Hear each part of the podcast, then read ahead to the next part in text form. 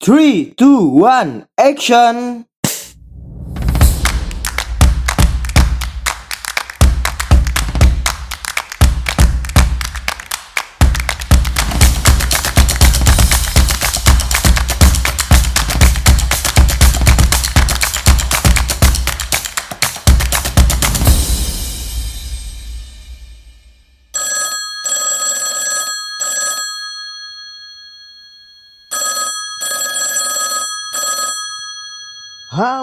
Datang kembali di Pod by MA, tentunya di program Anak Komunikasi.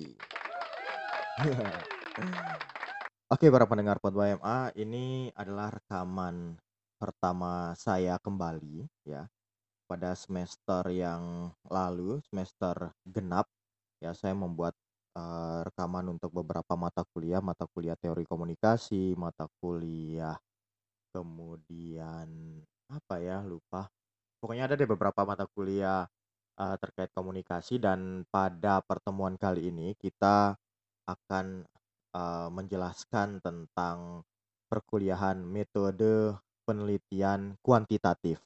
Ya.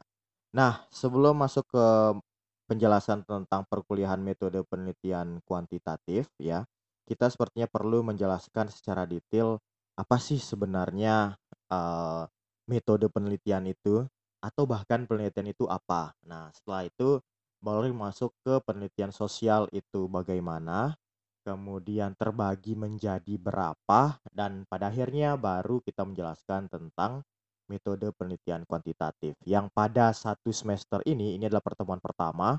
Pada semester ini kita akan menjelaskan ya kurang lebih 12-13 eh, pertemuan lah ya tentang metode penelitian kuantitatif. Ya, langsung saja. Yang pertama, uh, sebelum kita menjelaskan tentang metode penelitian kuantitatif, kita perlu menjelaskan apa sih sebenarnya itu metode, ya.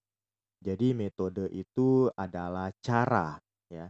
Cara, kemudian uh, alur, kemudian uh, aturan-aturan bagaimana kita untuk mendapatkan sesuatu. Itu metode.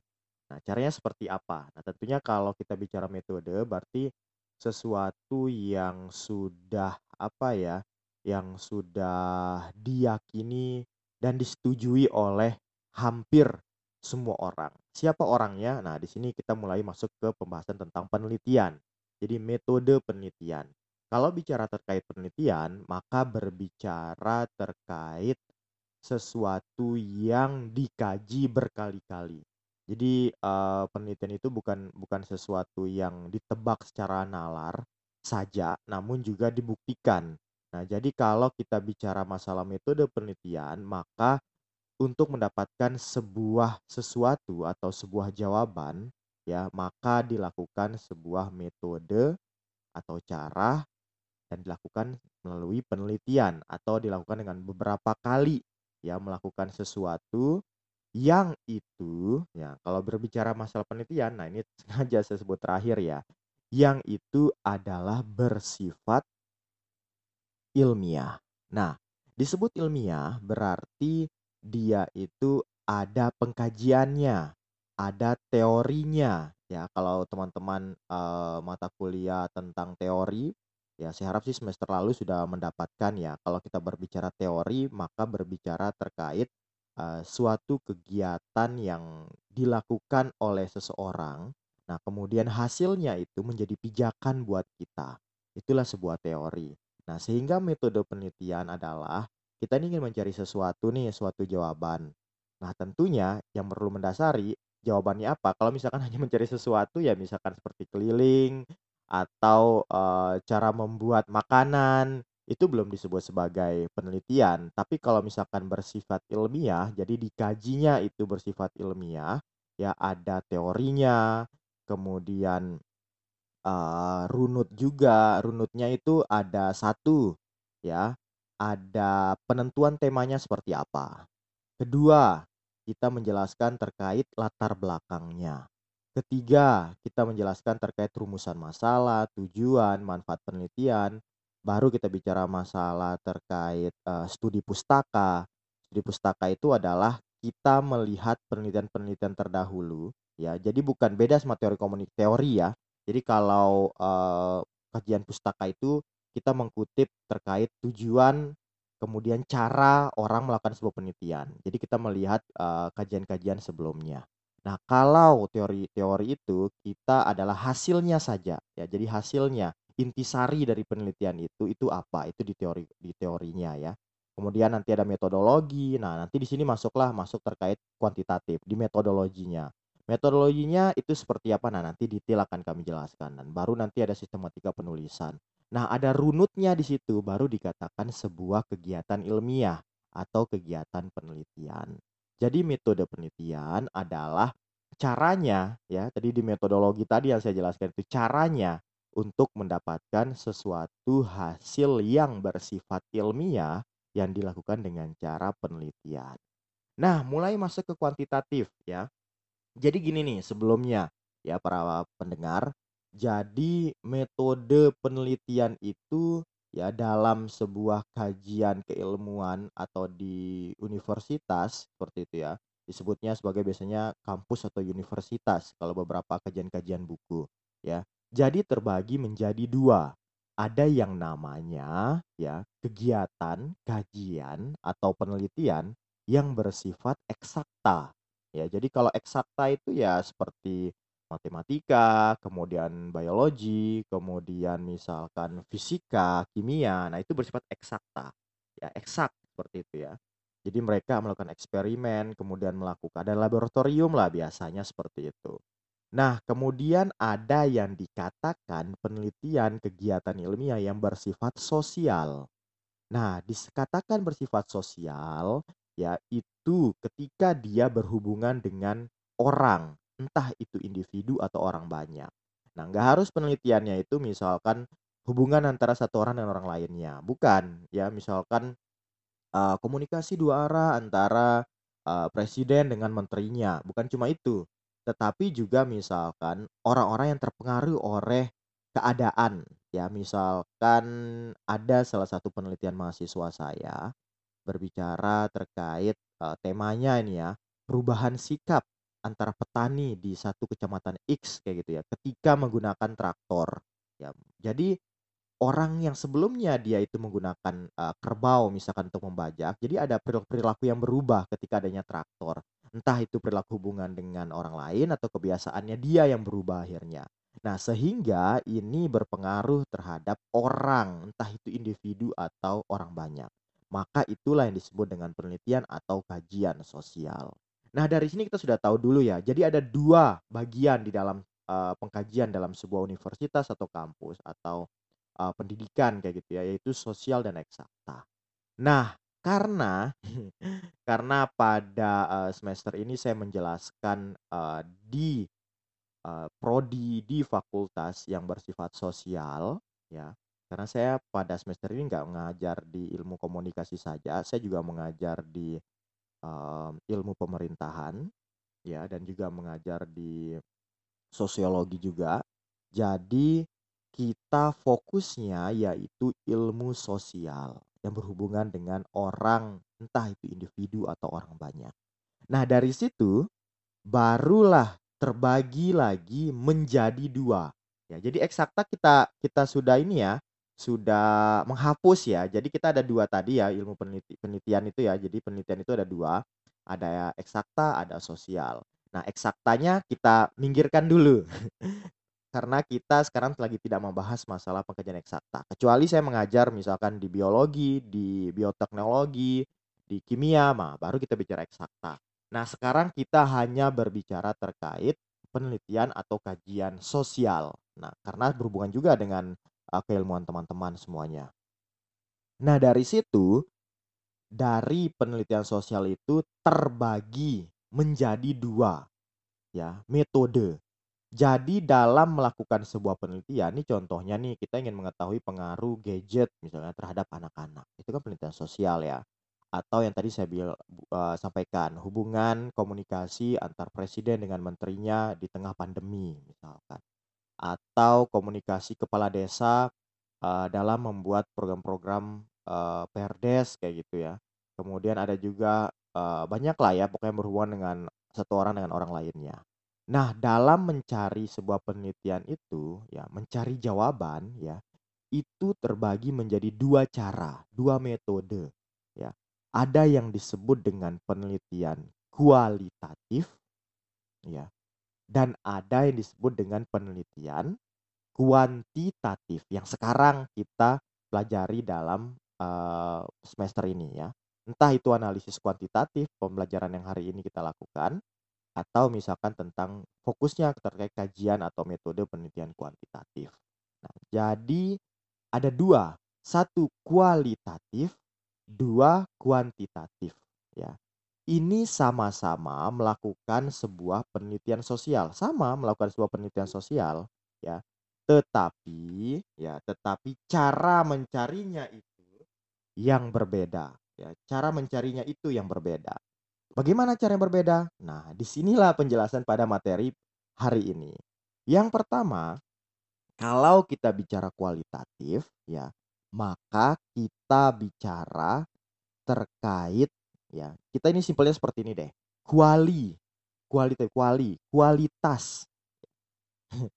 ini ini tidak tidak disarankan sih dalam sebuah kajian ya penjelasan seperti ini tetapi ini bisa mempermudah teman-teman untuk menghafal apa perbedaan antara kualitatif dan kuantitatif ya untuk mencari sebuah penelitian. Yang pertama adalah kualitatif atau kualitas. Kalau kita bicara kualitas, maka ada sebuah hal yang detail kita lakukan. Nah, itu dulu deh pegangan yang pertama. Sebelum kita jelaskan secara detail yang ada di slide nanti akan saya berikan lagi. Yang kedua adalah kuantitatif atau kuantitas, kuantitas atau jumlah. Maka ini akan nanti akan banyak berbicara terkait kuantitas ya. Kalau kualitatif itu bicara masalah kualitas, bagaimana cara mendapat kualitas itu yang detail seperti itu ya. Nanti itu metodenya. Kemudian bagaimana cara mendapatkan sesuatu dengan kuantitas, jumlah gitu ya. Ya pasti berhubungan dengan angka-angka biasanya ya. Itu nanti akan kami jelaskan juga seperti itu. Oke, langsung saja masuk ke dalam penjelasan. Yang pertama, ya penelitian terkait uh, kualitatif atau kualitas. Ya, secara perspektif ya ini seharusnya sudah diajarkan pada semester yang lalu ya biar lebih mudah kita uh, kita amati ya pada pertemuan kali ini. Yang pertama adalah perspektif teorinya. Kalau kualitatif ya itu dia adalah teori kritis biasanya. Jadi itu mengkaji, mengkritisi segala sesuatu, melihat segala sesuatu dikaji lebih dalam seperti itu. Kemudian dia itu ada bersifat interpretatif. Ya, interpretasi berarti menginterpretasikan.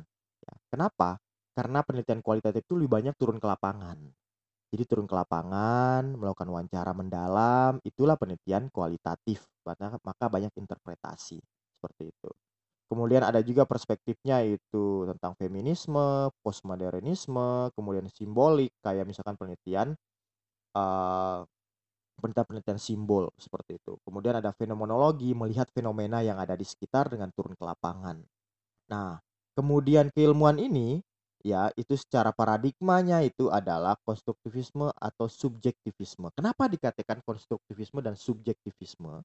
Yang pertama konstruktivisme ketika karena kualitatif ini penelitian ini misal peneliti ini saya penelitian ingin mengetahui uh, pengaruh gadget terhadap anak-anak. Maka kita turun ke lapangan untuk mendiskusikan, mewawancara mendalam kepada anak-anak seperti itu. Nah, maka kita bisa mengkonstruksi, mengambil kesimpulan dari apa jawabannya mereka seperti itu. Kemudian subjektivisme, kenapa terjadi? Karena kita itu si peneliti ini langsung dia bertemu dengan si narasumbernya. Sehingga pastinya nanti akan ada jawaban-jawaban yang subjektif. Ya karena kita mengenali misalkan orang tuanya akhirnya karena dekat dengan mereka. Akhirnya ketika kita membuat sebuah kesimpulan jadi ada semacam kayak uh, subjektivisme nanti kita menjawab atau membuat sebuah laporan uh, penelitian itu. Kemudian metodologinya ya, jadi caranya itu ya dengan cara etnografi. Nah, kalau teman-teman mengetahui etnografi, ini adalah penelitian yang turun ke lapangan, ya yang bisa dibicara cukup lama lah ya. Etnografi itu adalah misal dia kebanyakan di riset budaya. Ingin mengetahui kebudayaan dalam suatu suku atau sebuah daerah, mereka harus menginap. Kalau namanya menginap, mengetahui kebudayaan nggak bisa sehari dua hari, bahkan bisa bertahun-tahun. ya Sampai ada sebuah penelitian di suku dalam seperti itu yang pernah saya dengarkan, bahkan ada peneliti perempuan dari luar negeri, dia harus menikah dengan kepala sukunya untuk mengetahui sebuah budaya atau kultur dalam suku tersebut. Maka ini dalam banget. Ya, maka harus turun ke lapangan. Inilah penelitian terkait kualitatif. Ya, kita belum bahas kuantitatif ya. Selanjutnya penelitian fenomenologi. Kita menganalisis tentang fenomenologi, kemudian analisis wacana. Analisis wacana itu kita bisa melihat uh, seperti tadi saya bilang itu wacana atau gambaran. Misalkan uh, analisis wacana terkait anak-anak di dalam majalah. Nah, jadi apa wacana anak-anak dalam majalah itu dianalisis. Itu bisa juga tidak turun ke lapangan, tapi analisis analisis teks bentuknya di sini. Nah, metodenya bisa observasi atau interview turun ke lapangan, kemudian fokus group discussion atau FGD, langsung apa uh, komunikasi atau diskusi bergrup, kemudian studi kasus, analisis dokumen tadi yang saya bilang bentuk analisis wacana, analisis isi juga bisa. Nah, jadi itulah penelitian terkait kualitatif ya. Kenapa disebut dengan kualitas? Tadi saya sebutkan ya karena ada hal yang mendalam di situ, turun ke lapangan wawancara langsung seperti itu. Nah, kalau penelitian kuantitatif atau kuantitas itu bersifat positivistik. Kalau bersifat positivistik itulah bersifat membangun. Jadi penelitiannya itu tidak mengkritisi, tidak mencoba mengkonstruktivistik, tidak mengkonstruktivisti, jadi ketika melihat ada sebuah masalah, kemudian dia itu menganalisis, mengkritisi, membayangkan bukan seperti itu. Itu penelitian kualitatif. Kalau kuantitatif, dia itu menyelesaikan masalah.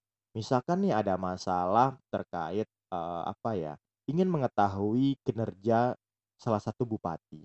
Tujuannya adalah agar bisa diinformasikan nanti pada bupati ini, ini loh masalahnya, masyarakat ingin begini loh sebenarnya masyarakat ingin ada pembangunan ekonomi di daerah ini loh seperti itu. Nah, maka itulah penelitian kuantitatif atau dia itu menyelesaikan sebuah masalah yang bersifat membangun. Itulah penelitian terkait kuantitatif ya.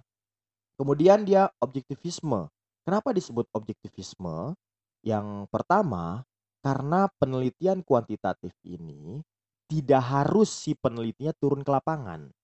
Ya, jadi dia bisa ya dia bisa menyuruh orang ya sebuah tim untuk turun ke lapangan untuk mencari data di lapangan. Sehingga si peneliti ini nggak tahu keadaan di sekitar itu apakah mereka itu uh, emosinya bagaimana keadaan keluarganya secara detail gimana ketika ketemu gitu. walaupun ada di data ya tapi secara detailnya karena tidak turun ke lapangan langsung si penelitinya ya seperti tidak seperti kualitatif itu maka dia bisa objektif ya untuk menghasilkan sebuah laporan penelitian. Kenapa karena penelitiannya ada bersifat survei metodologinya, survei dan eksperimen. Kita pada semester ini akan lebih banyak membahas detail tentang survei ya, tentang survei. Survei itu kan kalau turun ke lapangan ada 40 40 orang misalkan satu tim. Si peneliti itu misalnya saya nggak perlu turun. Jadi yang melakukan wawancara itu adalah si siapa ya si surveyor turun ke lapangan ya, mewawancarai responden, nanti hasilnya langsung diberikan kepada saya, saya akan mengolah itu berupa data-data angka seperti itu. Metodenya ada sampling, statistik dan kuesioner yang disiapkan. Nah, itu gambarannya ya. Saya rasa teman-teman walaupun uh, walaupun belum pernah mungkin mungkin di antara teman ada yang belum pernah mendapatkan mata kuliah metode penelitian kuantitatif atau analisis kuantitatif, tetapi paling tidak pernahlah mendengar kata-kata ini. Contoh misalkan kuesioner, statistik, sampling yang berhubungan dengan angka-angka itu akan berhubungan juga di mata kuliah metode penelitian kuantitatif atau analisis kuantitatif pada semester ini. Nah, yang selanjutnya ini perbedaan yang sangat signifikan. Yang pertama kualitatif, ya, itu menggunakan beberapa metode untuk membuat pandangan tentang suatu fenomena. Sampelnya kecil, diselidiki secara mendalam atau dari waktu ke waktu. Nah, tadi saya sudah sampaikan ya, kalau misalkan penelitian kualitatif itu dia hanya menjelaskan sebuah fenomena di satu tempat saja. Contoh nih, misalkan kita ingin menganalisis komunikasi antar tadi tuh presiden dengan menterinya. Berarti berarti akan akan bicara itu aja. Bahkan presidennya presiden apa? Presiden Indonesia. Nah, komuni komunikasinya juga kepada menteri yang mana? Apakah menteri perekonomian yang berhubungan dengan sosial kah? Masalah pandemi ini kah? Ya berarti kesehatan, sosial dan lain-lain misalkan ya, pendidikan. Nah, ini maka spesifik ke situ saja. Atau penelitian tentang tadi saya bilang ingin uh, menganalisis tentang kebudayaan dalam suatu suku dalam misalkan di Kalimantan. Maka detail di situ saja pembahasannya. Nah, maka bersifat sampelnya kecil ya 5-6 orang diwawancara itu sudah sangat besar ya, tetapi detail diwawancara dan mendalam, itu untuk penelitian kualitatif.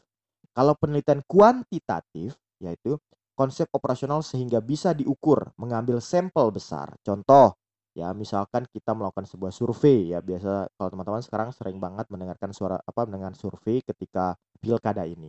Sampel yang diambil itu minimal 400, itu margin of error-nya 5%. Tapi rata-rata kalau saya secara pribadi melakukan survei itu 1200 responden. Ya, dengan uh, margin of error-nya itu adalah 2, uh, 2,5 persen. Ya, jadi itu sudah sangat besar 1.200 orang yang diwawancara. Jadi nggak mungkin saya yang turun, maka ada tim. Ya misalnya kalau 40 orang, ya maka kurang lebih ada 30 yang akan diwawancari oleh satu orang. Kalau ada 40 surveyor turun ke lapangan. Jadi besar banget ya. Kemudian kualitatif yaitu fokus pada makna, memahami apa yang sedang terjadi keseluruhan, mengembangkan ide melalui data. Jadi fokusnya itu adalah pada makna. Yang dicari itu yang dianalisis adalah maknanya. Apa sih yang diinginkan oleh masyarakat? Apa sih yang dirasakan oleh masyarakat? Itu yang diambil, ya. Kemudian sehingga kita memahami apa yang sedang terjadi dan secara keseluruhan. Sedangkan selanjutnya mengembangkan ide melalui data. Yang dimaksud dengan mengembangkan ide melalui data ini adalah dari hasil wawancara itu kita kembangkan ya menjadi ide ya menjadi sebuah gagasan hasil dari wawancara itu kemudian menjadilah sebuah data penelitian atau laporan. Nah kalau kuantitatif itu fokus pada fakta.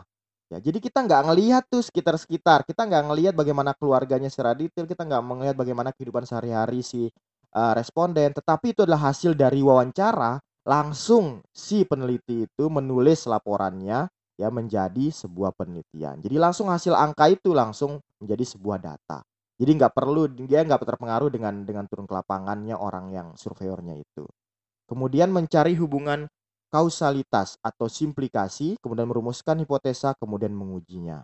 Yaitu adalah kita mencari hubungan. Contoh tadi itu ya, uh, mengetahui kinerja bupati terhadap uh, kepuasan masyarakat atau kepuasan masyarakat terhadap kinerja bupati. Jadi ada hubungan antar kausalitas seperti itu.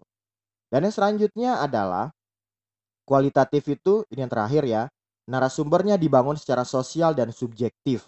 Nah, jadi uh, subjektif diambilnya. Misalkan kita ingin meneliti tentang uh, tadi itu presiden dengan menterinya komunikasinya. Makanya diwawancara adalah ya presiden dengan bupatinya saja atau ingin mengetahui tentang suku dalam. Makanya diwawancara ada faktor-faktornya ya, misalkan harus kepala sukunya, harus uh, keluarga kepala sukunya, harus siapa gitu yang diwawancara. Jadi ada susunan-susunannya.